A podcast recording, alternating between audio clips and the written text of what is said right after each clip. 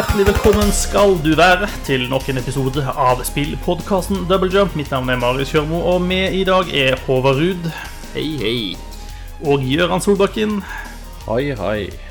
Det blir bare oss i kveld, gutter. Susanne er lenket fast til arbeidsstolen uh, by the man. Uh, så vi må klare oss alene i dag.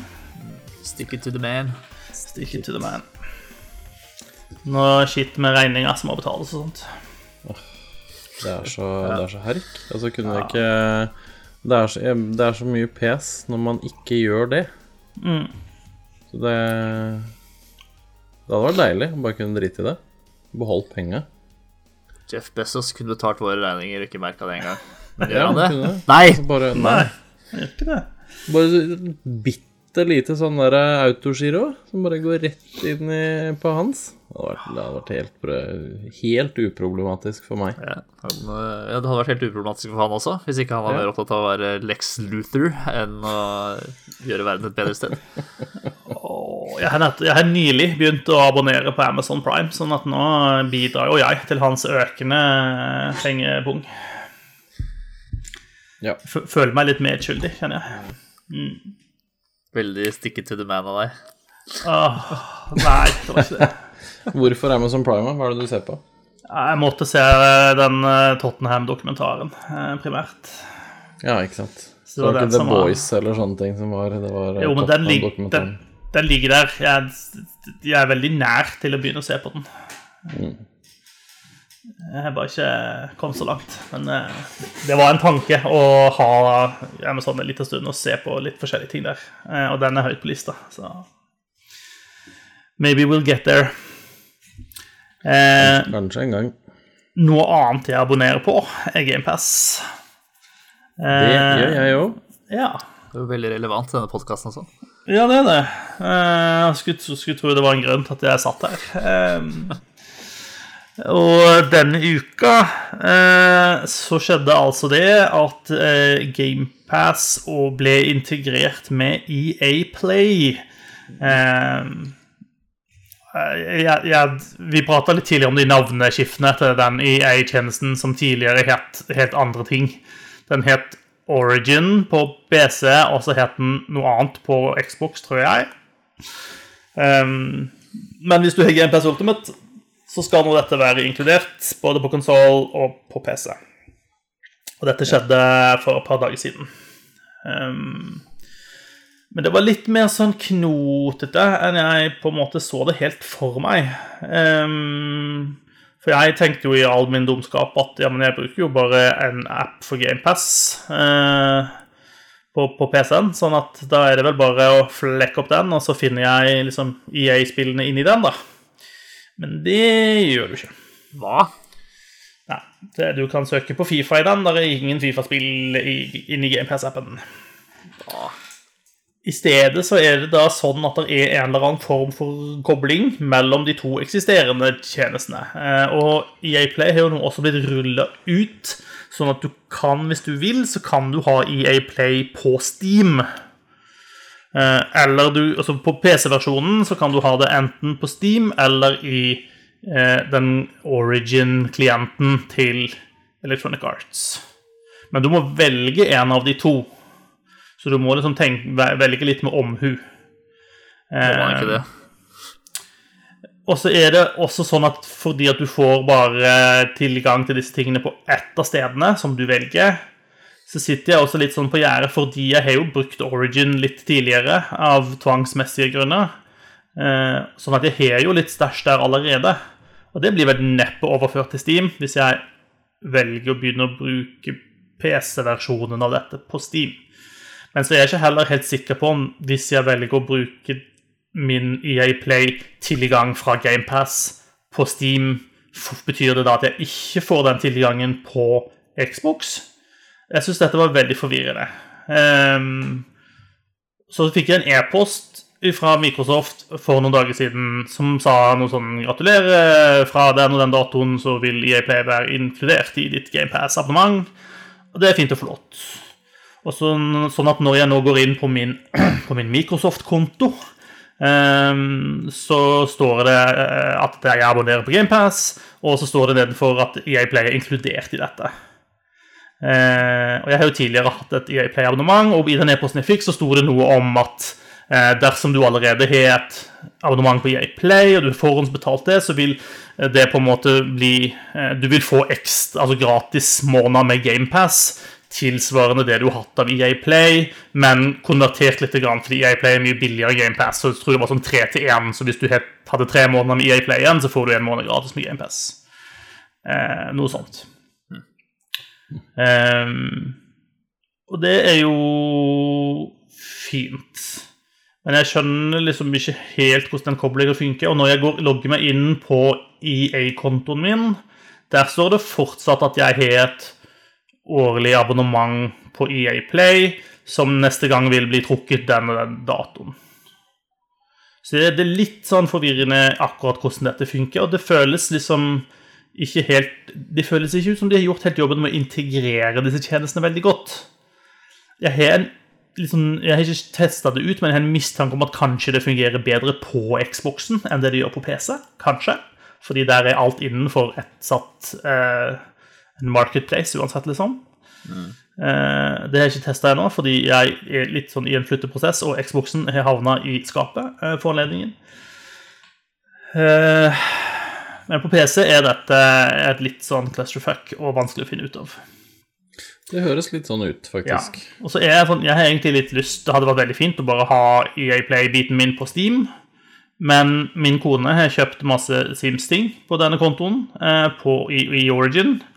Og jeg er jo litt redd for konsekvensene, om de bare plutselig ikke skal bli tilgjengelige lenger, eller hva søren. Så det er ikke noe gode svar på dette, eh, og de svarene finnes ikke på GamePass eller EA Play sine sånn FAQ-sider heller, for å si det sånt. Så I don't know, it's all a bit confusing, denne verden, nye verden vi lever i. Um, ja. Det, det, er kult at Ting... EAPlay er inkludert, men jeg har ikke helt fått nyte godt av det ennå. Og så kan man jo si, fordi Håvard spurte jo et veldig relevant spørsmål eh, Sånn Å ja, så nå får jeg nye Fifa med GamePass-abonnementet mitt? Eh, nei, eh, det gjør du absolutt ikke. Eh, eller det vil si, jo, det får du om et år. Ja. Eh, fordi EA Play er en basistjeneste som Electronic Arts har i den basetjenesten så får du tilgang til spillene som Electronic Arts har lagt i The Vault, eh, som de kaller det. Eh, og det er stort sett spill som kommer der et år etter at de har blitt released. I tillegg så får du ti timers gratis prøvetid på nytt spill. Så du kan laste ned Fifa 21 og spille det i ti timer. Og så må du kjøpe det, eller vente i et år for å spille det. Men neste år så vil jeg jo spille Fifa 22. Ja, da må du vente et år på det. Ja, Da vil jeg jo spille Fifa 23. Ja, nettopp. Det er jo det de banker på, da. Ja. Så for sportsspill så er ikke det der den beste tjenesten, da. Det kan man si. Da kan du, hvis du vil, abonnere på EA Play Pro. Da får du alle disse tingene, men da betaler du også en mye saftigere månedssum. Ja, og får to samtidig. To tjenester samtidig. Ja, for den tjenesten er ikke inkludert i GamePass, så den må du på en måte ha helt utenom. Mm. Selvsagt. Yes. Så, så sånn, sånn, er det. Easy-peasy uh, lemon squeezy. Yes. Men med EA Play, som ligger der nå, så kan du spille Titanfall og Mass Effect Andromeda og Peggle og en del andre spill. Hvorfor, hvorfor Peggle, alle ting? Peggle hvorfor var det spillet du er det det? Peggle, ja. Det er perfekte tidsfordriv. ja, det tenker at de, den er oppe til debatt enda. Den er greit. Ja, det er, ikke, det er, ikke, det spillet som liksom gjør at jeg sitter oppe til tre om natta og gamer. Det er det ikke, kjenner jeg. Men eh, det, det, var en tid hvor Peggle var, var liksom the shit, men, men, jeg føler den tiden er svunnen hen. Ja. Jeg holdt ut uh, videregående pga. Pegel. De uh, norsktimene på videregående, de ble De var ikke så interessante. Så da var det mye bedre å, å fokusere på Pegel i stedet. Oh, du er så ung, du, Håvard. Uh, jeg har spilt Liero når jeg og elastomania på videregående. Jeg kasta på stikka, jeg. Jo da, men det var det, bare det tyskerne lot dere få lov til å ha, det, så det skjønner jeg jo. Eh, Ja. ja. Det var trist. Uh, skal vi prate om spill vi har spilt, eller som i, i litt nyere tid enn en krigens dager? Jeg var også litt innom eh, Lastomania. Eh, Så syns jeg det er veldig viktig å, på, å, å si fra om, før vi går videre, at det Elastomania får man i Steam nå. Gjør man det? Ja, man. Nå må jeg rett inn og sjekke. Det var 72 kroner. Elastomania 2 også. 72 kroner. Oi, oi, oi. 72 reviews, very positive. Kjøper du Elastomania Trilogy Pack til 140 kroner, sparer du jo en femmer der. Da får du med Action Supercross. Det var, det var det jeg spilte mest av. Det første. Forgjengeren til Elastomania. Action Supercross. Det ser nydelig ut. Kan jeg få dette i 4K, please? uh, ok. Det, det var litt gøy. Faktisk. Ja. Det kan eh, Har vi spilt noe som er lagt nyere enn 2000 i det siste? Ja, det har vi jo. Ja, for så vidt. Ja, så, Ja. så bra. Da føler jeg at vi har en basis for å lage en ny episode også denne uken. Eh, jeg har spilt et eh, nytt spill eh, som heter for Democracy 4. Eh, det er et spill som er i early access, men eh, det, ja, det føles ut som om at- altså, De har jo gitt ut noen eh, versjoner av dette spillet før, eh, og det bygger videre på nøyaktig samme prinsippene, og det føles litt ut som at de har sett at Early Access kan være en kul greie som kan funke godt for dette spillet spesifikt, og det tror jeg kanskje de kan ha rett i. og Jeg tror kanskje det funker bedre her enn til en del andre titler. Men for de som ikke er kjent med Democracy-serien, dette er en, eh, et simulatorspill i på en måte sjangerens pureste form. Eh, her har man satt opp et rammeverk av eh, tall som påvirker hverandre. Og når du endrer ett tall, så påvirker det masse andre ting. Eh, og du må, jobben din er å endre de riktige tallene for å få de riktige effektene. Sånn røft eh, for- forklart. Eh, Ja. Med litt mer innpakning så er dette da en slags simulator for å styre et land eh, politisk sett. Eh, og de holder på med å liksom jobbe med å legge inn flere land du kan styre, men i starten så ligger der inne en, eh, en fem land eller noe sånt. Du kan i hvert fall styre USA, Storbritannia, Frankrike, jeg tror Tyskland. Eh, og så ser du på en måte omrisset av et par land som ikke var lagt inn ennå, som jeg tror Italia og Australia blant annet lå inne der. Eh, jeg har spilt som presidenten i Amerika eh, for å teste dette ut. Og det som Democracy-serien har for seg, er at på en måte denne simulatoren de, de lager, den, den er ganske robust og ganske god. Eh, det, det gir deg på en måte et Jeg skal ikke si realistisk, for jeg syns ikke nødvendigvis det er realistisk alt som foregår i spillet, men den forsøker i hvert fall da å gi deg på en måte et realistisk bilde av eh, hvordan det er å styre et land, og hva du kan påvirke, og hva du ikke kan påvirke, og hvordan på en måte Hvis du gjør A, så kan plutselig B skje, men da kan du også se det og E skje, uten at det kanskje var det du hadde tiltenkt, på en måte. Eh, eh, og du kan da gå inn i ganske detaljerte former, og du kan eh, justere på all, en hundretalls ulike beskatninger som du kan legge på befolkningen eller ikke. Og du må hele tiden følge med på utviklingen i landet ditt. Eh, I USA så har man eh, store problemer med arbeidsledighet, man har generelt dårlig helse, eh, det er mye forurensning, eh, man har mye fedmeproblemer i befolkningen. Altså det er mange sånne ting, da. Og Og oppnår man ulike på en måte, negative kombinasjoner, så fører det til ulike typer dårlig økonomi eller lav produksjon, dårlig GDP går ned. Og, eh, det er ganske sammensatt og ganske gøy å sitte og fikle med disse tingene. Eh, og så har du hele tiden en en slags, en slags currency, da, som er liksom din politiske kapital. Og den får du det er turbasert, sånn sett. Og for hver tur så får du ny politisk kapital. Uh, og hvor mye politisk kapital du får, avhengig av uh, ministrene dine, og hvorvidt på en måte de er lojale og fornøyd og du gjør de tingene de ønsker å jobbe for.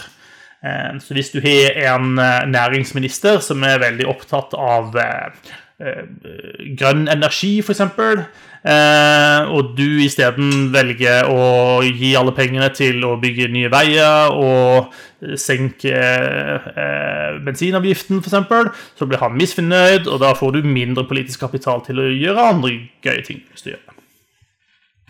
Ja. Um, men Du kan bytte ut ministrene dine etter hvert, men hvis du driver og sparker ministre i ny og ne, så blir de andre ministrene dine misfornøyd, og så har du det gående. Sånn Litt av poenget med Democracy 4 er også å forklare for folk at bare, i et demokrati er det ikke bare enkelt å gjøre om på alt mulig rart. Fordi alt har konsekvenser, og alt henger sammen. Eh, og det gjør de for så vidt en god eh, eh, Det forklarer de på en god måte. Eh, samtidig så skal det sies da at eh, hvis jeg hadde fått åtte år som president i USA så hadde jeg ifølge dette spillet klart å utradere all fattigdom i landet. Ingen fattigfolk eksisterte lenger etter mine åtte år. Eh, det var ingen helseproblemer. Alle hadde jobb. Eh, de eneste som var misfornøyd i landet, var noen eh, kristenfundamentalister som hadde veldig lyst til å drepe meg. Ja. Altså, du har egentlig, eh, egentlig, gjort nesten like god jobb som det Trump hevder han har gjort på fire år. ja, jeg er nesten like flink som det Trump mener sjøl at han er. Yes. Ja. Og det er ganske bra, tenker jeg. For jeg tror han er litt høye tanker om seg sjøl. Så alt dette eh, kunne jo man fått til ved å bare skattla Jeff Bezos. han kunne betalt for mye. Jeg kan si at alt dette jeg gjorde, finansierte jeg more or less med å kutte i military spending. Eh, for der er det mye penger igjen til USA, det kan jeg bare si. Eh, det er klart Disse tallene og en del av utfordringene vil være ulike basert på hvilket land du er. Eh, og så vil det også skje noen sånne random events som kommer, som du ikke på en måte kan påvirke. Det kan være alltid for at det skjer naturkatastrofer, eller plutselig så er det svingning i den internasjonale økonomien, eller sånne ting, og det påvirker også hvordan ting går i, i ditt land. Um, er et, det er liksom grunnmekanikkene, og grunnmekanikkene de fungerer bra, selv om noen av de er kanskje litt eh, Ja, som jeg eksemplifiserte, eh, så, så, gikk det jo litt for greit å fikse alle problemene i USA, på en måte. Eh, så, så, der har de kanskje en liten jobb å gjøre med å tweake det, den, den, biten. Eh, jeg liker også på en måte det at de har lagt inn eh, at effektene Eh, du får av de endringene du gjør, eller de nye policyene du innfører, eh, de vil variere. Eh, og Noen av dem kan ta ganske lang tid på en måte å få effekt, og det gir jo også mening. Hvis du skrur opp bensinavgiften da, f.eks. veldig mye, Eh, så kan det være at du får en ganske snarlig reduksjon i hvor mange som kjører bil, men det kan være at liksom, overordna klimaeffekten vil allikevel ta lengre tid før du begynner å se at eh, ja, nå blir det faktisk mindre utslipp, og eh, klimaet har det bedre, på en måte. Så noen av de tingene har de lagt inn. Men det er på en måte eh, kjernen i spillet, og som alltid har vært i Democracy-serien. Og det funker ganske bra, og det er gøy å fikle med, og det er veldig nerdete. Det er, sånn, det er ikke mye grafikk å snakke om. Det er stort sett tall og noen sirkler med noen ikoner på, og sånt, og masse streker frem og tilbake, opp og ned. Eh, og så er det noen andre mekanikker inne i spillet som jeg ikke syns fungerer like godt. Eh, det ene er sånn sikkerhetsaspekt som, som, er lagt inn i spillet. Og det er i prinsippet sikkerheten din som som leder. Eh, fordi der er det av og til er det upopulært eh, å lede et land, tydeligvis. Eh, og da er det noen grupper som er ute etter deg, og det kan være mange forskjellige grupper. Eh, du kan få, som meg, få kristenfundamentalistene etter deg. Eh, du kan også få radikaliserte miljøforkjempere som har lyst til å ta knekken på deg, hvis det ikke du gjør sånn som de sier. Sånn at du må liksom holde en balansegang der. Og det er på en måte greit, men så har de også en sånn egen sånn sikkerhets måler, på et vis, som sier noe om, om, om tryggheten din, eh, og hvilke policyer du på en måte kan påvirke for å øke den. Eh, og det, den biten der funker rett og slett ikke veldig godt. Eh, fordi det du må gjøre på en måte for å trygge din egen sikkerhet, er jo ting som at du må stramme inn på friheten, sånn at eh, du får ned kriminalitet generelt sett. Og jeg fjerna all kriminalitet i USA. Den var borte. Det var helt greit. Eh, men jeg sleit fortsatt med at jeg var kjempeutsatt. Eh, og de tingene jeg på en måte kunne gjøre Jeg hadde allerede, syns jeg, eh, vært litt kjip med en del ting. Jeg, hadde, jeg var nødt til å la politiet være armert til tennene. skru maks opp bruken av tasers. og Det, sånn, det, fikk, folk, det fikk alle politi lov til å gjøre uten å mokke, liksom. Eh, og ganske mange sånne ting måtte jeg liksom skru opp på maks for at eh, ikke jeg skulle bli skutt eh, til frokost. Men det, men det, alene var ikke nok, og da var liksom de andre alternativene igjen ok. Jeg er nødt til å la politiet fly droner over befolkningen til enhver tid for å overvåke de. Jeg må installere mikrochips i alle, alle innbyggerne i landet for å overvåke de. Altså sånn ganske ekstreme ting da, som måtte til før jeg skulle begynne å føle meg trygg. Og det føles litt rart. altså det er sånn ja, Secret Service klarer å gjøre jobben sin uten at de har en chip inni alle i USA eller sånn. Ja, så Spørs hvem du spør, det, tror jeg. Ja, jo da, men det, det er et begrensa antall presidenter som har blitt tatt knekken på. Også før droner og mikrochips var en greie. Så mm. Ehm, så akkurat den biten funker ikke kjempebra. Og så er det en funksjonalitet som går på dette med valg og gjenvalg. Ehm, fordi litt av greia når du sitter en term, den vil jo variere litt alt fra hvilket land du spiller. I USA så sitter presidenten i fire år. Ehm, så må du stille til gjenvalg. Dette er også policyer som du kan ved å bruke veldig mye politisk kapital. Kan du også endre disse tingene.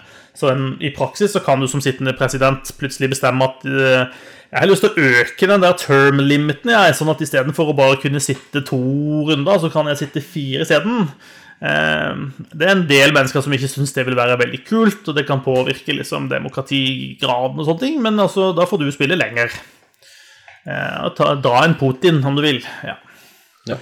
Eh, det kan du gjøre. Eh, men selve valgmekanikkene er, føles litt sånn half-assed, for å være helt ærlig. For, altså, det, det, å drive valgkamp i USA det er på en måte et eget spill i seg sjøl, egentlig. Og det fins sånne spill, du kan finne de på Steam. Eh, mens her blir det litt som en sånn side note. Eh, sånn at liksom de siste tre turnsene før et valg, så får du liksom muligheten til Ja, du kan holde en tale, og så velger du et par temaer du har lyst til å tale om, og så kan du kanskje gi en lovnad, og så er liksom det, og så får du en graf på hvor godt eller dårlig det gikk i valget ditt. Eh, og det, det, er veldig lite tilfredsstillende, altså. Eh, man skulle, man skulle, tro at det var noe mer Det var noe mer i det. Det er mye interessant å ta i et valg. Eh, men så, så det, altså det, føles som om enten så er de nødt til å flashe det der ut mye mer, eller så kunne de like godt bare fjerna det. Fordi sånn som det er nå, så er det veldig lite tilfredsstillende. Eh, og det ja. føles bare litt sånn eh, eh, Ja. Eh, hvorfor er dette med i det hele tatt, hvis, hvis det ikke har noen betydning?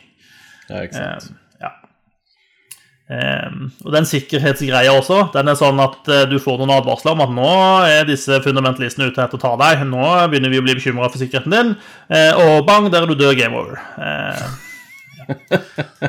som jo ikke heller er kjempegøy, da.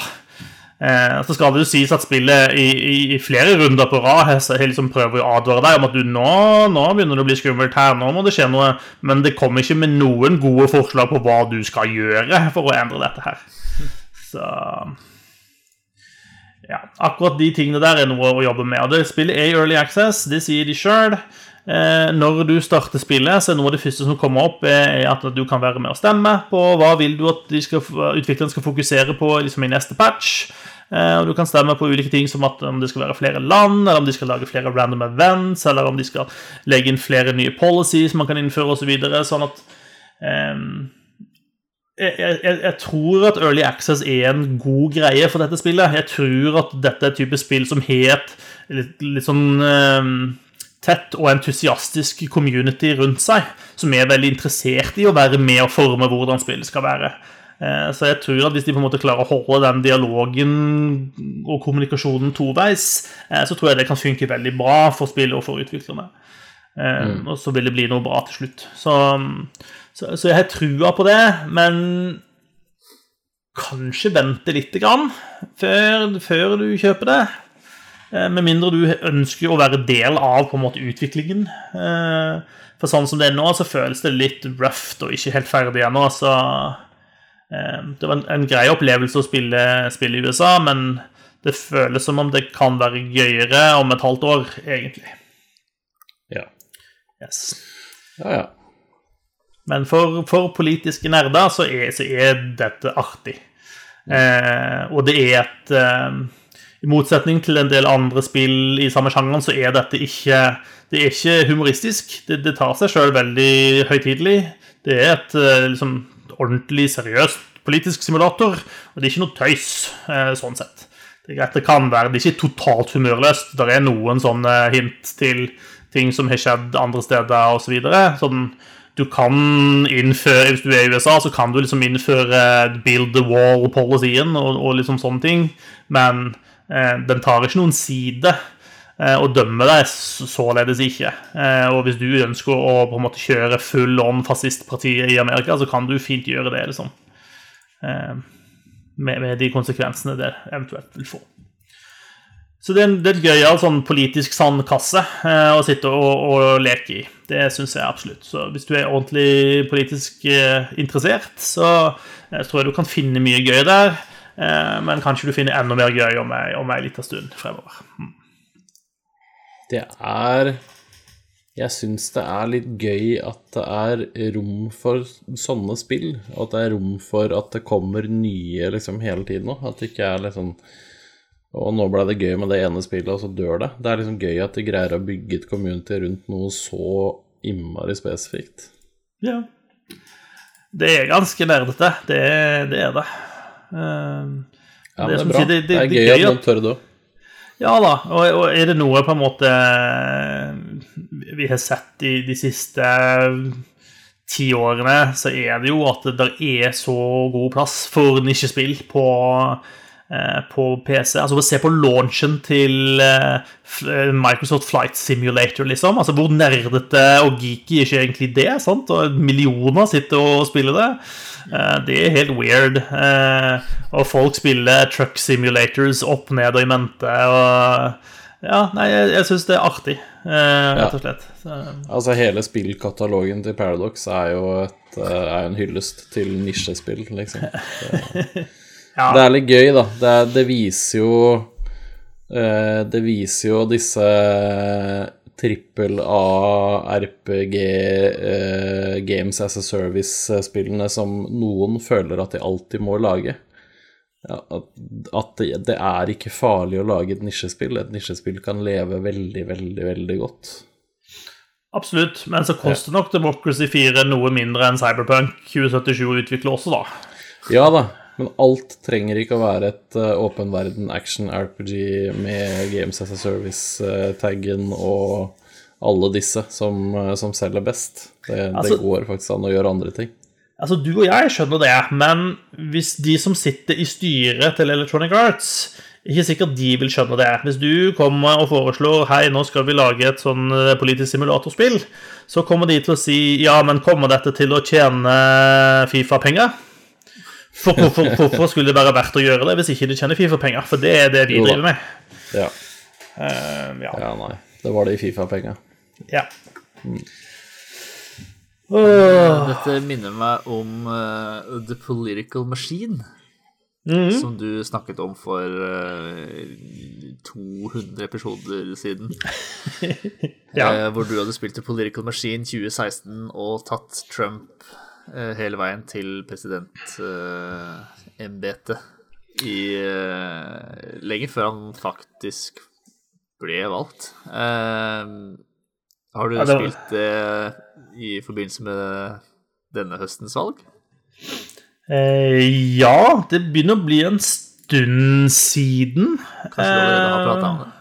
Det kan nok tenkes at jeg har.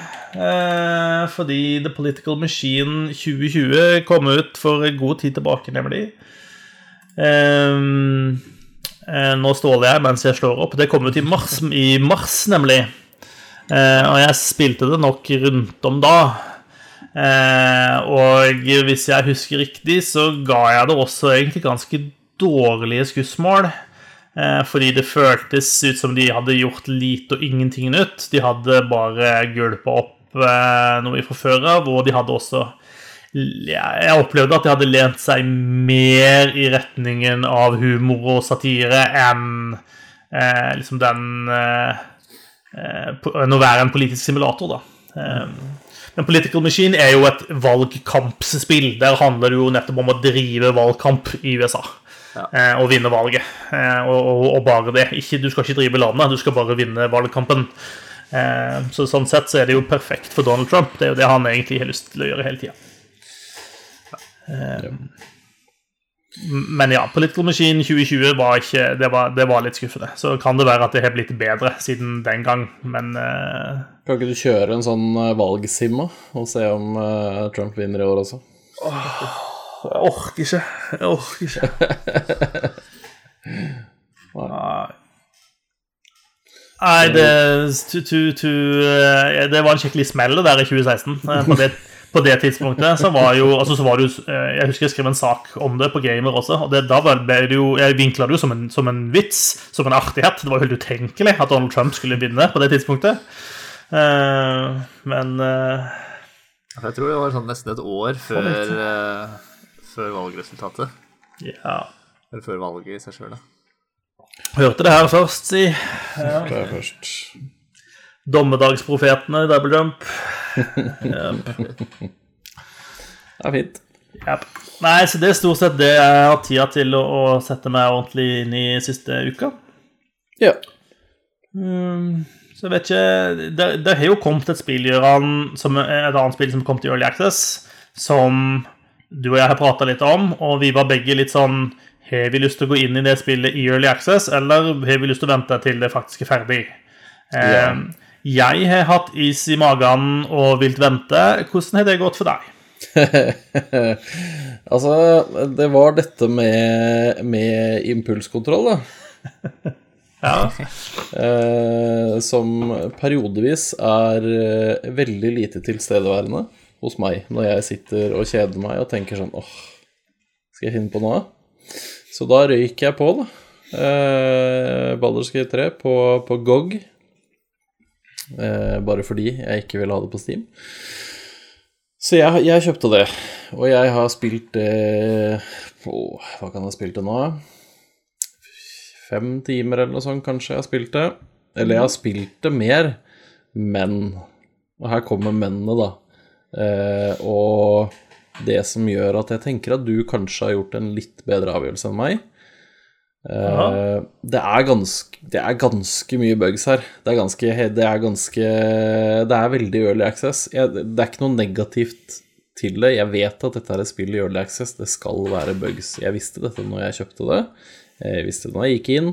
Jeg er ikke sånn som alle andre, eller mange andre, som da krever pengene tilbake og fysj og fy. Har du, har du drapstrua noen, da? Hva sa du, Håvard? Jeg bare lurte om du har drapstrua noen, for det er jo vel vanlig prosedyre. Ja, ja, jeg sendte til naboen, bare sånn fordi det var kort vei. ja, du har drapstrua naboen? ja. ok. Og de skal flytte, da. Det var jo veldig rart og veldig tilfeldig at det skjedde. eh, nei, jeg har ikke drapstrua noen. Jeg har ikke det. Nei da, det er eh, Skal vi se det, Jeg brukte vel jeg vil tippe jeg brukte eh, i hvert fall en halvtime, kanskje en time, på å få bare eh, lasta inn spillet til å begynne med. Bare, rett og slett få starta spillet. Altså, jeg, jeg, har hørt da fra flere kilder at eh, Baldur's Gate 3 Early Access ved launch var betydelig mer bøggete enn det man er vant med at Early Access-spill er. Ja, det, var, det, det er ganske røft. Jeg kommer først inn ja da, etter en halvtimes tid. Jeg måtte bytte Fordi du kan jo velge mellom to grafikkmotorer her, eller to eh, Den Vulkan-renderen eller DirectX 11, eller hva det er nå, da. Uh, så jeg fikk til slutt Hæ? 12 er det kanskje? 12, kanskje. Ja. Ja, eh, jeg fikk til slutt launcha det med DirectX-varianten. Jeg kommer fortsatt ikke inn på Vulkan når jeg velger det. Da bare krasjer det med en gang. Men kom inn, da, og, og skal begynne å lage figuren min. Eh, og det syns jeg er gøy og ganske vanskelig, for da må man jo ta valg, og det er noe dritt. Eh, så jeg lagde, lagde, en figur, jeg ordna med background, og valgte klasse, og det er veldig Den er eh, Figurbyggeren, da, den er veldig bra i Baldur's Gate. Altså, det er veldig sånn klassisk eh, Dungeons and Dragons. Du har, du har Cleric, du har Warlock, eh, Wizard, altså veldig sånn standard klasser, og du har velkjente Hvis du er kjent med, med det systemet, da, så er det veldig lett å skjønne ting, for det er du har de spelsene du regner med at du skulle ha, altså det er eh, De statsene er de du eh, kjenner til fra Dungeons Dragons. Det er veldig sånn velkjent og fint sånn, det er masse tilpassingsmuligheter i, i forhold til bakgrunnen og alt mulig. Eh, så jeg satt og lekte meg litt opp og ned og sånn fram og tilbake med det her, og så skulle jeg velge hår, og så krasja det. Yes til jeg kom da til Altså, jeg fikk bladd igjennom ganske mye, og så kom det da tydeligvis en eller annen kombo som krasja. Bøttehatt not found. Yes. Eh, så jeg tenkte ja, ja. Så, sånn kan det gå. Gikk inn igjen. Eh, lagde en helt annen karakter, da. På runden to. Ja. Satt ikke lenge, eller? Nesten. eh, dette er jo viktig. Altså, det her er jo en, eh, det er jo en figur du skal sitte med i mange titalls timer, liksom. Og figurmekkinga kan til og med av og til være gøyere enn selve spillet. Ja, i noen tilfeller så er det faktisk det også. Mm. Og landa da på, av alle ting, at jeg skulle spille en cleric. Ja. Eh, og igjen måtte bytte håret. Skulle ikke bytte håret, for da krasja det igjen. eh, så det var, det var en eller annen kombo jeg fant her med eh, For det var samme rase, da. Eh, så jeg veit ikke om det var Jeg husker ikke om det var samme hår eller ikke. I hvert fall da, en veldig lang og uinteressant historie kort. Jeg kom meg gjennom på tredje forsøk. Eh, Skifter ble... du hår da, eller? Eh, ja, men jeg trykka andre veien, og så turte jeg ikke å se på så mange. Jeg tok den første jeg tenkte at ja, den funker. Så det er jo karakteren er skalla? Ja, det er skalla. Du veit altså, du får liksom valg nummer én, som er pent damehår. Valg nummer 29, da er du skalla. Da stoppa jeg. Nei da, så det blei eh, Det blei en eh, tiefling warlock eh, på meg. Ja. Ja, bare fordi det har jeg aldri, aldri spilt, verken i spill eller eller penn og papir, som det så fint heter. Så jeg tenkte det, det er sikkert gøy. Spillet, spillet mangler en god del sånne klasser og sånne ting som skal komme etter hvert, har jeg skjønt? Ja, det er ikke alt der. Det er ikke, mm. det er ikke komplett, og det er masse bakgrunner og sånn også som uh, i hvert fall var låst når jeg gjør det. Jeg vet ikke, det, altså, det har jo kommet noen patcher og sånn her nå. Jeg har ikke vært inne og lagd en ny figur etter det her. Nei. Så jeg vet ikke om det var noe som var bare låst i starten eller ikke. Det veit jeg ikke. Men i hvert fall, da jeg kom meg endelig inn i spillet. Eh, og så er det en kul, eh, en kul sånn eh, intro-video-videosekvens. Eh, um, det er en eh, mindflayer som putter noe greier i øyet ditt. Som ser, er ganske Det er ganske creepy. Ganske ubehagelig, faktisk. Å bare se når det skjer. Ja, det er noe dritt. Eh, men ting skjer. det er drager, og det, du flyr på en eller annen sånn Nå burde jeg huska hva det heter, men sånn derre tentakel-romskip-ting eh, til han derre mindflayeren. Ja. Uh, shit happens. Du havner i det jeg tror er helvete. Krasjlander der. Uh, og hele spillet starter på dette luftskip-tentakel-tingen. Det, det er ikke veldig subtil start. Nei, det er Ikke sånn, ikke så sånn du starter ute på en liten by på landsbygda og må drepe noen rotter og sånt. Det er liksom det, det er rett inn i, ting, i tingene som skjer her. Ja da, det er sånn type eh, eh, dragen lander på siden og river opp og spyr flammer inn, typ. Det er Ja. ikke noe, vi legger ikke noe imellom her, og det er folk som rir på disse dragene, og det er, eh, det er fullt kjør, liksom. Ja.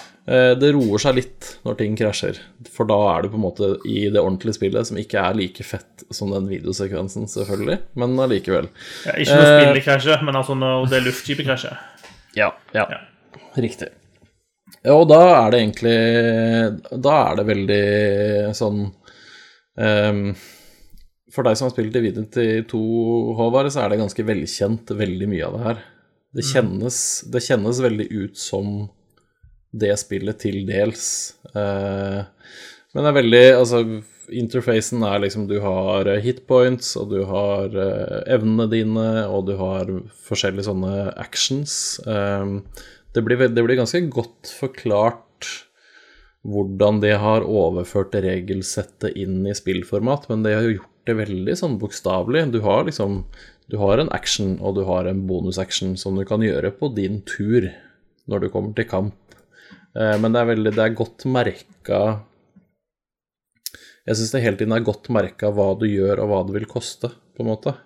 Eh, For de som ikke er så kjent med det. Men i hvert fall, da. Det er et pek og klikk-spill. Du har masse ting du kan trykke på, og um, veldig tidlig så fant jeg en, eh, en snakkende hjerne. Er Litt sånn spoilers de første timene her, men eh, det får så være. Finner en snakkende hjerne.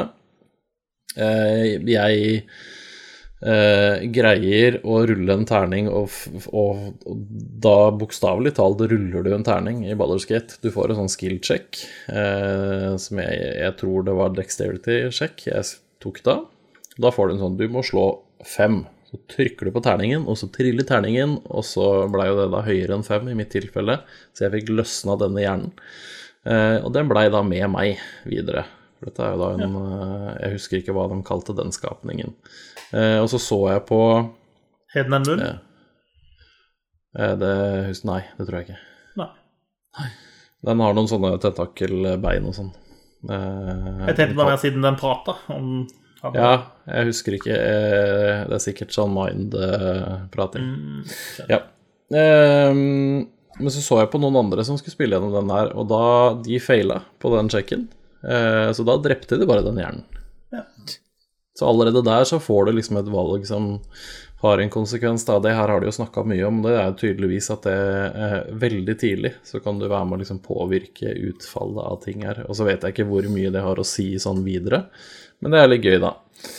Eh, men så er det litt sånn Veldig sånn klassisk utforske der du er, se om det er noen kister, noen våpen, eh, trykke litt på alle tingene det går an å trykke på, og så går du videre, og så kommer du inn i kampsystemet, og da er det eh, turbasert.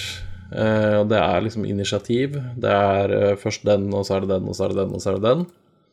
Eh, men det er vel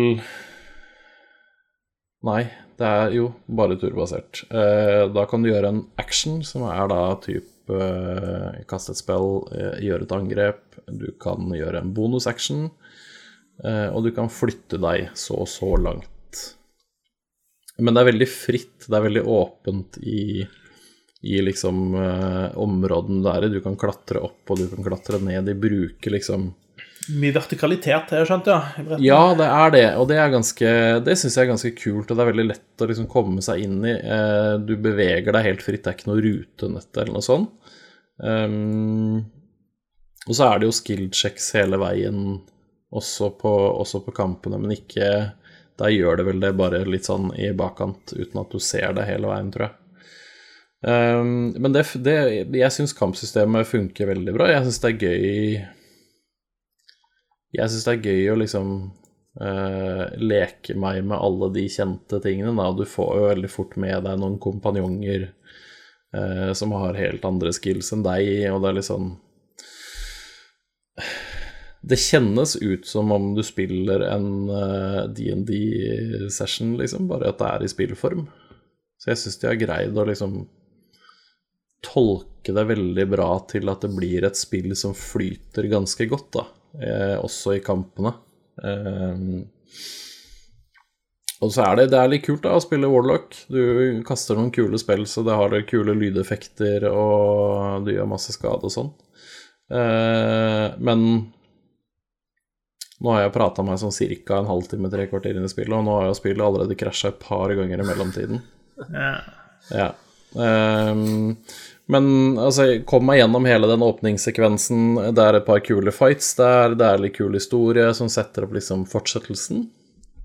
Um, så jeg syns jeg syns spillet virker Jeg syns det virker veldig interessant. Jeg syns de har uh, tolka og tilpassa regelsettet veldig bra til den type spill det er. Uh, sånn i forhold til at det er turbasert måten de har lagt opp liksom spills og disse oversiktene her, og eh, hvordan de liksom lærer det opp underveis. Jeg syns de, de, gjør veldig mye riktig der, og så syns jeg altså voice acting og, og historie og sånn så langt syns jeg også virker, eh, virker interessant, men Altså, det blir jo litt holdt tilbake at det er såpass røft som det er. Altså, det er ikke kult at et spill krasjer fem, seks, sju ganger i løpet av et par timer med spilling, egentlig.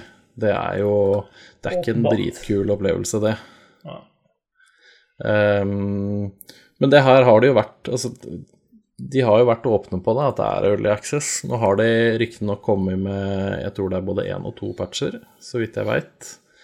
Og den siste gangen jeg spilte noe, så var det ikke noe Da krasja det ingenting, faktisk. Da gikk det helt silkemykt. Så det er jo lov å håpe at de greier å, å rydde opp i de de fatale feilene der, for jeg tror, jeg tror, det her er et spill jeg kommer til å like veldig godt. Det kjennes, det kjennes veldig sånn ut.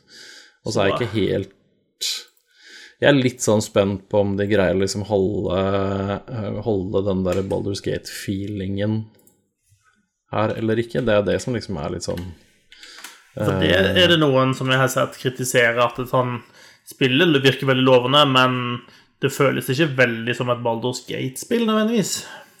Nei.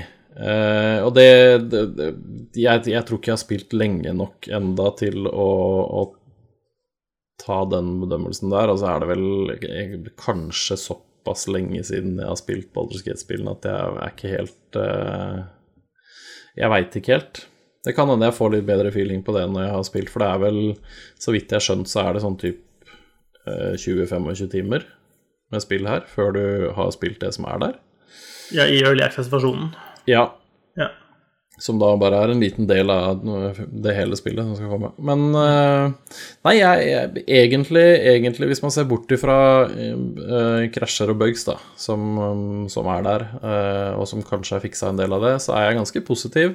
jeg syns det virker som et bra spill med, med enn så lenge en spennende historie. Uh, og så syns jeg kampsystemet virker bra, men eh,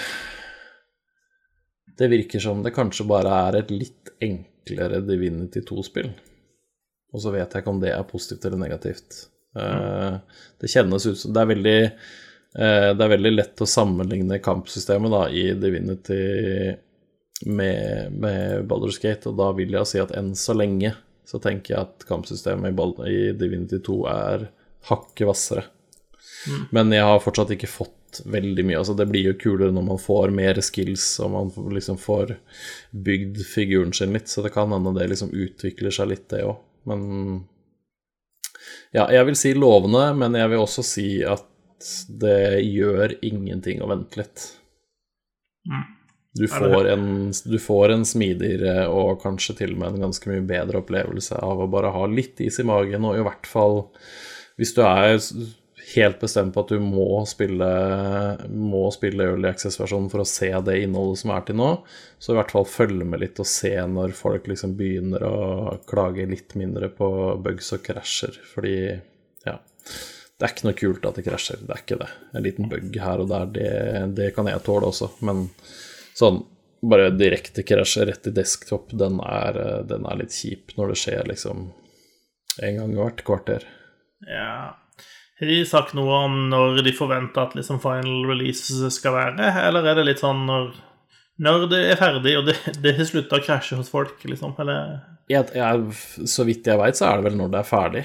Mm. Eh, sånn som status er på spillet nå, så vil jeg tenke at det er i hvert fall ikke i år. Nei, nei det, det tror ikke jeg. Nei.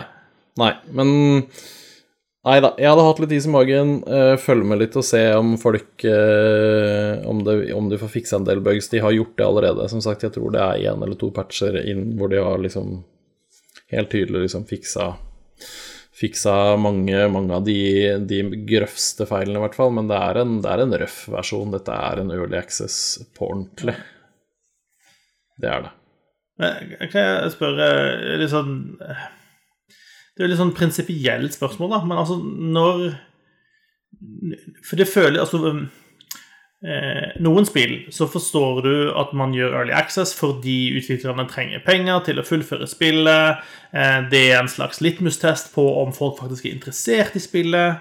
Eh, og, og, den biten der Baldur's Gate 3 er jo en så stor produksjon at det kan jo ikke være tilfellet her. Eh, det kan godt være en del av markedsføringa til spillet, eller noe sånt, men det er litt sånn um, Det føles som at dette er en betatest for å kanskje i, å hjelpe utviklerne å luke ut en del kinks og sånt, men man ber jo da eh, forbrukerne om å betale full pris for å få lov til å betateste spillet for dem. Eh, altså, jeg er jo håper å si, Jeg er ikke den eldste her, men jeg begynner å bli gammel nok til at jeg husker de tidspunktene hvor eh, du ikke betalte for å ha en beta-versjon av et spill. Du gjør jo faktisk en tjeneste for utvikleren, og da fikk du Om ikke du fikk betalt, så fikk du i hvert fall gratis tilgang.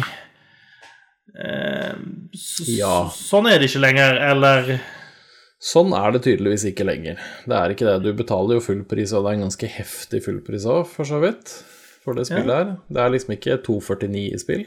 Um, det er fullpris, fullpris. Så jo da, det her um, Nei, altså jeg det er, det er, bra, det som er der enn så lenge. Det er greit, det, men det er et Altså, jeg Nei, jeg veit ikke helt hvorfor det liksom har blitt sånn som det her egentlig hvorfor de eh, Men det kan nok hende det er en, en litt sånn kynisk måte å få betatesta resten av spillet på. Sånn at de ikke slipper eh, et spill ferdig uten å få, få fjerna mye av de tingene de får fjerna i et kap første kapittel her nå. At de at de tar den der, men det er Jeg kan ikke med hånda på hjertet si at dette spillet må du løpe og kjøpe nå, fordi det, det er et Altså, du får ikke hele spillet engang. Det er jo ikke så mange andre produkter man på en måte ville akseptert en sånn type finansiering, liksom. Du kjøper, du kjøper, boka nå, men eh, det er bare mm. tre kapitler så langt, og de er ikke helt ferdig sånn som de skal være heller. Nei, det er eh, altså early access på ja, jeg, jeg, jeg, kan på en måte sånn Jeg kan se det positive i det i at små utviklere kan, som du sier, da, dra inn litt ekstra penger og kanskje få fullført en, eh, en utvikling og sånne ting, men på det nivået her så er det ikke Ja, det er jo litt sånn dumt for meg å sitte og si det, som faktisk har kjøpt det, fordi jeg var så keen på å spille det. Men det er, det er litt sånn Ja er jeg, jeg kjøper veldig sjelden på Early Access lenger. Jo da, altså Det er jo for så vidt en ja. ærlig sak. altså Du vet jo hva du går til. Det, de legger ikke ja. noe skjul på at dette er Early Access, og du som forbruker gjør jo hva du vil med pengene dine. Eh, det bare føles som at det er sånn Det er noe som har vokst frem i bransjen som eh, jeg syns det går an å stille liksom noen sånn etiske spørsmål til, til, til måten enkelte bruker det på. Da. Og, og Baldur's Gate 3 er et spill hvor det stusser for meg. Altså, Hvorfor er dette spillet i Early Access? Burde det være det? Ja. ja. Jeg vil jo si at dette spillet definitivt havner i nei-kategorien der. At det i utgangspunktet egentlig ikke burde være der. Uh, så vet jeg ikke som, hvordan veien var opp til at de bestemte seg for at dette må ut i Early Access. Det, det, det kan jo være mange grunner til det. Men uh, sånn prinsipielt så er dette Dette burde de heller ha lagd ferdig og polert og finpussa og sånn, og så hadde det bare vær så god, her er spillet, nå er vi ferdig. Og det er jo det som Altså, det er Jeg, jeg veit ikke, jeg tenker meg hvis eh, Cyberpunk, da, hadde gjort det samme, så jeg vet jeg ikke om det hadde blitt uh, tatt imot uh, på en veldig god måte, eksempel. Nei, jeg er ikke så sikker på det heller, altså. Eller, eller liksom Fifa, liksom. Ja, her er Fifa. Du får spille 45 minutter. Vi er ikke ferdig med andre omgang ennå. For det Nei. Nei, Early Access, altså sånn, sånn, generelt, da, så er Early Access er egentlig en uting. I, altså, jeg, da, jeg, da, savner jeg heller de der gamle demodagene der du fikk en demo av et spill. Du fikk spille et brett. Det var i hvert fall ferdig, om ikke annet. Så fikk du testa det, men ja, ja, eller hvis, hvis, hvis, de faktisk var sånn de trengte betatesting, da. Eh, og det gjør man jo av og til, og kanskje spesielt på, på liksom spill med, med, en stor online-del. Så har man en, en begrensa tidspunkt hvor dette er gratis, og det kan være den er lukka og sånt, og man har forum for å gi tilbakemelding og opprette en eller annen form for dialog osv., men da betaler du ikke full pris for det. Eh, og det er det som Nei. gjør at det føles litt sånn litt kynisk, da. Eh, for det føles som jeg betaler for å gjøre Larian en tjeneste. Ja. Det, det kjennes litt sånn ut. Det gjør det. Jeg er, ikke, jeg er ikke utelukkende positiv til at jeg brukte 600 kroner på det spillet, eller hva det var. Ja, det, altså, jeg vet jo at jeg kommer til å gjøre det når spillet er ferdig. Eh, ja. Så kommer jeg til å gjøre det. De kommer til å få pengene lell, så det er jo ikke så stor forskjell på om de får det nå, eller om de får det da. Men, men det er noe som smaker litt sånn eh, dårlig av, av den greia der likevel, syns jeg. Ja. ja jeg, er ikke, jeg, er ikke, uenig med deg der, eh, sier jeg som sitter her med spillet. Men uh, ja. Nei, jeg Jeg tror du gjorde rett i å ha is i magen, da. Jeg tror det.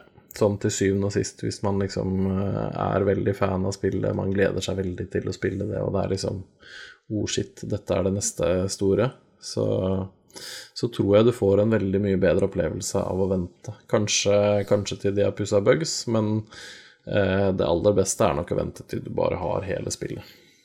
Ja, Vi får se hvor lenge, hvor lenge, Av og til er det vanskelig å vente helt til julaften før man begynner å kladde på julepresangene. Ja. Vi får se. Jeg kjenner jeg blir litt irritert hvis de en eller annen gang fram i tiden og slipper det, og så slipper de det til en billigere pris enn det de solgte en Early Access for. Da... Det kommer jo på salg på et eller annet tidspunkt, men, men ja. Mm. At de er sånn launch day sale med ja. satt ned 10 eller sånt nå, ja, da syns jeg du med rette kan få lov å bli irritert. Ja. ja. Nei da, det er eh, Jeg syns det Alt det til side, da. Jeg syns det er et lovende, lovende, start, og jeg tror det kan bli, jeg tror det kan bli veldig kult. Eh, og så ja, skal jeg få spilt ferdig historien som er der så langt, i hvert fall, så kan jeg jo melde fra litt mer da hva jeg syns om den, for den er jo litt sånn den er jo vanskeligere å få et grep på enn eh, kampsystemet. Kampsystemet funker sånn som det er nå. Mm. Mm. Det er jo gøy at du sier du brukte så lang tid i den character eh, creation-biten. Eh, For det virker jo ikke som det er så mange andre som gjør. Laran sjøl er jo ganske skuffa over det folk lager. De har jo lagt ut et bilde av en sånn det de kaller gjennomsnittsfiguren. Eh, og det er jo en uh, høy, rakrygga, hvit mann med fint kjemma, brunt hår. Eh, mens de er sånn eh, dere, har, dere, har, muligheten til å lage Til å bruke ha demonøyne, horn, haler, eh, og så lager dere en Vault Dweller. For å få det. Er litt morsomt, da, for jeg lagde da en, eh, en tiefling eh, med horn, med hvite demonøyer. Hun har eh, lilla hår og Var det lilla hår, eller gikk jeg for Nei, jeg tror jeg hadde svart hår, men lilla, altså hudfarge. Mm. Eh, og en hale. Så jeg, jeg var check på alt sammen. Hun var eh, ikke hun, hun var ikke meg, for å si det sånn. Nei. Nei, han fyren der kunne jo vært meg. Jeg, Men er jeg, jeg kjente at jeg, jeg ble litt irritert når jeg så den saken. For det er sånn jeg, Det kan være det bare jeg som er gammel og bitter, men jeg, når jeg, med en gang jeg så overskriften på den saken, så bare tenkte jeg at dette oser PR-stunt ifra Larian. Det, er sånn, det, det, det skulle ikke overraske meg om den artikkelen hadde de skrevet sjøl og betalt for å få inn. Fordi sånn, dette er, dette er bare god PR for de, eh, og det, fø, det føles veldig plassert ut. Eh, men for all del, det kan godt være det er et poeng der. Eh, gjennomsnittsmennesket er sikkert ganske boring, egentlig, da. Jeg spiller en eh, rød lizard i Divinity 2. Kult. ja. Så, eh, men jeg er også nysgjerrig på Baldur's Gate 3 nå etter at jeg har eh, fått litt uh, oppdaga sjangeren gjennom Divinity 2. Ja. Snart 100 timer der, så Jeg tror ikke Baldur's Gate eh, 3 er en, et dårlig sted å lande da etterpå. Det tror jeg definitivt ikke. nei, så lenge det er sånn selvstendig, så har ikke jeg meg gjennom de tidligere spilla. Nei, det tror jeg ikke du må, ikke så vidt jeg har eh, fått med meg, i hvert fall. Nei. Nice. Jeg har spilt uh, penn og papir-rollespill tidligere i dag. Der spiller jeg en uh, goblin uh, som har liten respekt for folks intimsone. Ja, så du spilte deg selv, da. Hei, hei, hei. Ja, du. Så lav er jeg ikke, takk. Nei, det er du faktisk ikke. Eh, vi har holdt på en liten stund. Det var ikke så mye nyheter denne runden. Eh, jeg vet ikke om vi var ferdig med spillrunden vår engang. Eh, du har jo trilla terning på Hades, eh, Gøran. Det har jeg. Jeg har anmeldt det på Gamer, så det går an å lese skriftlig hva jeg mener om spillet der. Ja, spoiler Eh. alert. Det var ganske bra. TLDR 9 av 10 og et av de beste spillene i år. Uff. Det er det, altså. Det er, eh, og jeg spiller det fortsatt. Det er eh, et eh, fantastisk bra spill. Og jeg tror, jeg tror mange folk gjør seg en tjeneste ved å bare drite i at det er et rogelight eller rogelike, eller hva man skal kalle det, og så bare gir det en sjanse. Fordi det er så, det er så, det er så mye kult her. Jeg tror definitivt at hvis jeg skal gi meg ut på et tidspunkt, så kommer jeg til å kjøre den God mode-greia, iallfall i spillet. Ja, og den, men den er veldig bra, og den er veldig smart. Så det, jeg tror ikke noen skal skamme seg at man setter på den. Det tror jeg bare For veldig mange så tror jeg den bare kan øke, øke moroa. Mm. Ja. Den kjennes ikke ut som om man jukser så veldig mye. Det er, ikke, det er liksom ikke sånn dette, Å, nå blei det for lett og for kjedelig. Det er ikke, det er ikke en sånn type god mode. Det, det er veldig bra. Jeg er litt redd for at dette blir en sånn panikkspilling mot slutten av desember, før Game of the Year, men eh, det, det føles ut som noe vi, man må innom, i hvert fall, før, eh, før vi kommer så langt. Ja. Det det. Det er lite tips da, er at det her er et veldig bra spill, og eh, som man liksom eh, Kanskje ikke nødvendigvis daglig, men sånn nesten daglig bare logger inn, og så tar man et run eller to sånn som passer seg, og så er det egentlig nok. Altså, du, du oppfordrer til moderasjon her. Ja, tro det eller ei. Mm. Tro det eller ei. Ah, det, dette er den nye sånn Gjøran halvtimen, dette. Det er sånn en, en, en gang om dagen. Uh, ja. Ja, det er den nye, nye. Det, har blitt- det, har blitt veldig lite av den Gjøran-timen, faktisk. Ja, ja, ja. Mm. Det er sant, det. det jeg, jeg, jeg, tror, jeg vet ikke om du, du, du tok så mye skam eh, av det, at du tok det så til deg, at du ikke lenger tør eh, å gi det etter en time. Ja, jeg tror det, det var et eller annet der når man på Game of the Year år tre fortsatt hadde den kategorien inne, så tenkte jeg nå, nå er det på tide å gjøre noe. På tide med en rebrand. ja. Ja. Øh, vi er glad i det uansett, Gøran. Uh, spill spillet så lenge du har lyst til. Det er helt greit. Det gjør jeg faktisk. Ja, Var det noe annet du tenkte at du hadde veldig lyst til å nevne av ting du har spilt denne uka? Nei, altså det Jeg har spilt uh, en god del mer av eh, Genshin Impact, sånn som hele resten av verden gjør. Uh, ja. Og det er fortsatt et veldig kult spill. Der gjør de veldig mye riktig, altså. Det er uh, Ja, de viser at free to play også kan være bra og ikke bare mase om penga dine. Og det er litt kult. Det er bra. Hmm. Enn du, Håvard? Nei, det er ikke noe nytt å melde, egentlig. Eh, alvorlig nære siste boss i Paper Mario. Eh, har kjøpt 200 eh, gigabyte minnekort som jeg putta i switchen min, så nå har jeg oh, plass sånn. til eh... Et nytt spill? Spill, ja. uh, det er ganske mange spill på Switch, egentlig. De er ikke så store, de. Men nå har jeg plass til Hades, for eksempel. Hades. Hades. Hades på Bades. Hades. Hades. Ja, men det er bra. Da får vi kanskje sjekke inn neste uke hvordan det går med Switch-samlinga di. Ja. Nå kommer jo Pikmin 3 kommer jo Det er fortsatt et par uker til, da. Det, men det gleder jeg meg til. Du, du, er klar med minneplass når det kommer? Jepp. Mm. Yes, sir. Skal ikke stå på det. det er bra.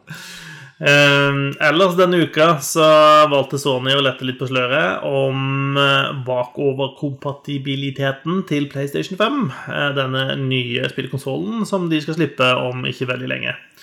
Eh, som jeg ikke kjenner noen som får på spilldato ennå. Men kanskje det finnes noen der ute. Ta gjerne kontakt hvis du tror at du får den. så er er interessert i å høre hvordan det går. I hvert fall de har vært ute og sagt at eh, PlayStation 5 kommer til å spille mer enn 99% av PlayStation 4-spillene at launch.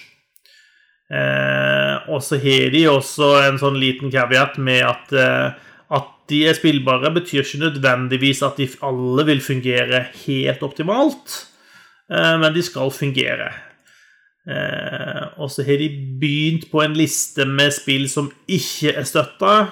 Foreløpig er det ti spill på den lista. Eh, og det er vel ikke Altså, det er ikke det er ikke nødvendigvis listen over topp ti spill som kommer til å være mest savna, da, som ikke er støtta. Eh, den listen inneholder bl.a. Afro Samurai 2, Revenge of Kuma Volume 1, Eh, Robinson The Journey, eh, We Sing, eh, Hitman Go Definitive Edition Ja, Shadow Complex Remastered er vel et sånn halvdisent spill, egentlig. men det er liksom ikke Det er ikke stortitlene som på en måte mangler her, da. Ikke Samuel Jackson stemme i Afro Samurai? og også i toeren. Det er i hvert fall en eller annen uh, kjent uh, Ganske kul skuespiller som har stemme i den, uh, den, serien. Jeg tror det er Samuel Jackson. Det kan godt være. jeg tør ikke si om det er tilfellet i spillet, men Polygon called it one of the worst games of 2015. da det jeg en metacritic-score på 21 av 100. Så det er kanskje en grunn til at det ikke støtter. det er jo ikke det største eh, tapet, da, antageligvis. Nei, kanskje, kanskje ikke. Men så fins det garantert noen der ute som, hvis du spør eh, hva er favorittspillet ditt, da, så svarer vi Afro Samurai 2. Ja, det Nei. Da sier jeg nei. Det mener du faktisk ikke. Det, det, dette er tøys. Uh, ja. Uh, men ja, Uh, der er også litt mer informasjon ute om hva som støttes, og de har vel sagt noe om sånn gamle PlayStation 4 accessories og sånne ting, og at en del av det vil kunne funke, men ikke alt, og ja eh, Ta og, eh, ta og sjekk ut på internettet om, om dine gamle ting funker eller ikke, for å si det sånt. Mm. Eh, og du vil kunne spille gamle spill med nye kontroller, f.eks., og sånne ting. Eh, ja. Mm.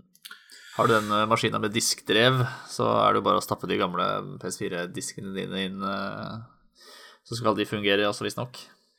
Det har jeg, vet du. Og da ringer de fra flight controlen på Flesland og spør hva jeg driver med. Jeg har ikke lisens til å ta av. Eh, fordi den maskinen, den durer som eh, et eh, Hercules-fly som er i ferd med å ta av. Eh, Ja, men PlayStation 5 blir eh, mer stillegående, forhåpentligvis. ja, men den er jo like stor som et fly, da. Men, eh, Ja. Nei da, nå, nå er jeg unødvendig negativ. Det blir gøy med de nye konsollene. Jeg gleder meg til november. Mindre, mindre enn 30 dager til den nye konsollgenerasjonen er i gang. Åh, åh. Mindre enn ti dager. Det blir gøy. Eh, noen andre som gleder seg om dagen, er utviklerne av Genjin, som vi prater om. Genjin Impact. Eh, fordi selv om det spillet er free to play, så betyr ikke det at man nødvendigvis at man ikke tjener penger på det likevel. Eh, fordi de har dratt inn over 100 millioner dollar på de første to ukene, og det må jo sies å være helt ok. Ja, det er ganske sjukt. De tjente vel inn eh, For det, vel, det var vel altså sånn eh, estimert budsjett budsjettet for å lage spillet også. Ja. Eh, Så nå, alt, eh, alt framover nå, det er bare rett i lomma. Ja, eller forhåpentligvis i lønn til utviklerne, sånn at de kan jobbe litt lenger fremover. Ja da. Ja, da. Det er jo et, det er jo et levende spill, det her også. Det kommer jo Det er jo et så, sånt eh, gacha-spill der man uh, ruller for å få helter, og da må det jo naturlig nok også komme nye helter og nye events og sånne ting hele tiden. Så det er jo Det er et spill som uh, sikkert kommer til å leve en god stund. Men uh, ja. De har, de har virkelig, virkelig slått an. Men det er også et tilsynelatende bra spill, så det er fortjent. Det er det. Eh, og jeg vet at det, av og til det kan være litt kjedelig å høre på nyheter om salgstall. Det er ikke alltid det mest spennende, men for oss som er litt nerdete, så er det av og til litt gøy å se om man ser noen trender. Eh, og noen av de salgstallene som man faktisk får, for en del av dette er jo alltid litt sånn hemmelig og sånn, men i Storbritannia så publiseres det eh, salgstall av fysiske salg. Eh, og der har man nå sett at denne uka, når Fifa 21 kom ut, så solgte den altså 42% dårligere i fysiske kopier enn det Fifa 20 gjorde. Eh, Og da er det jo kanskje naturlig å tenke at det ikke nødvendigvis betyr at Fifa 21 selger dårligere enn Fifa 20, men at kanskje man er i ferd med å se en stor skift over til digital fra eh, fysisk eh, disk. Ja. Og jeg må, jeg må jo si sjøl så kjøper jeg jo ikke fysiske spill ever lenger. Det skjer ikke. Nei. Eh, alt er digitalt. Jeg vil ikke ha de der diskene lenger. Det er jo drive og grave i hullene for å spille et spill virker jo så 1998, holdt jeg på å si. Ja. Ja, altså for meg som eh, Nå har jeg ikke små, så små barn lenger, men det er jo en risikoidrett å ha, ha en disk i en maskin eh, som noen da kan få tak i, for da er jo spillet ødelagt.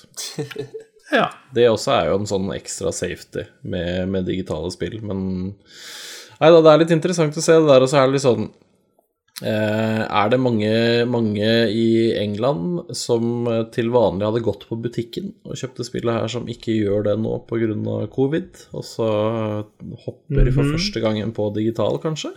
Ja, det kan være. Og så spekuleres det jo også i da om det er sånn at det er en del som sitter og venter på at de nye konsollene skal komme ut, og venter med å kjøpe Fifa til de har fått PlayStation 5 eller Xbox Series X da i hus.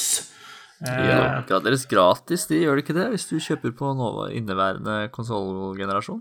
De gjør det, men det er ikke sikkert at det er noe alle får med seg. Eh, Fordi mange som kjøper Fifa, kjøper kanskje det ene spillet i løpet av et år. Eh, Og det er ikke sikkert de leser på liksom Polygon og Kotaku og gamer.no at de får en oppgradering gratis på dette. Jeg lurer på hvor mange som har kjøpt seg eh, den gamle Xbox One X nå, jeg. Og som trodde de hadde kjøpt den nye. Gjort et skikkelig varp. Ja, ja. Uh, Nei, det, mange, det er mange som blir skuffa til julaften når de får en gammel konsoll uh, under ja, det var, var, det ikke One X som hadde gått opp sånn type 600% i salget eller noe sånt?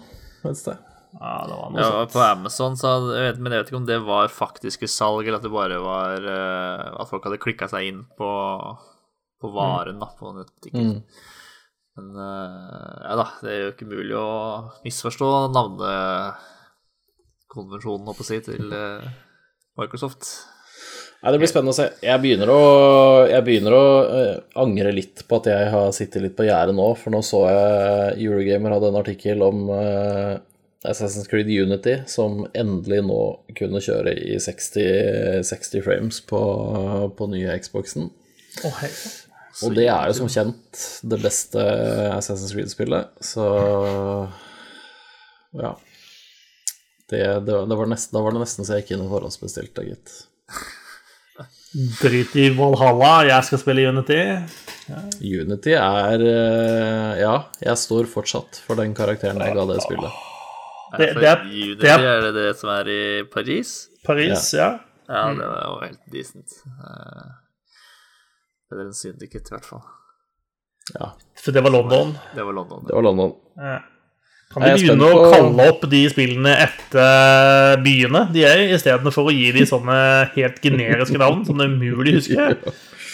Ja, veldig godt poeng, egentlig. Alle husker byen man har lekt i, og ikke, ikke Ja, ja, ja. Hva faen? Odyssey og Origin og Jo da, altså Hvis du har litt peiling, så skjønner du at ok, Odyssey det er sikkert noe gamle greier, liksom. Men eh, ja Kall det Hellas, da.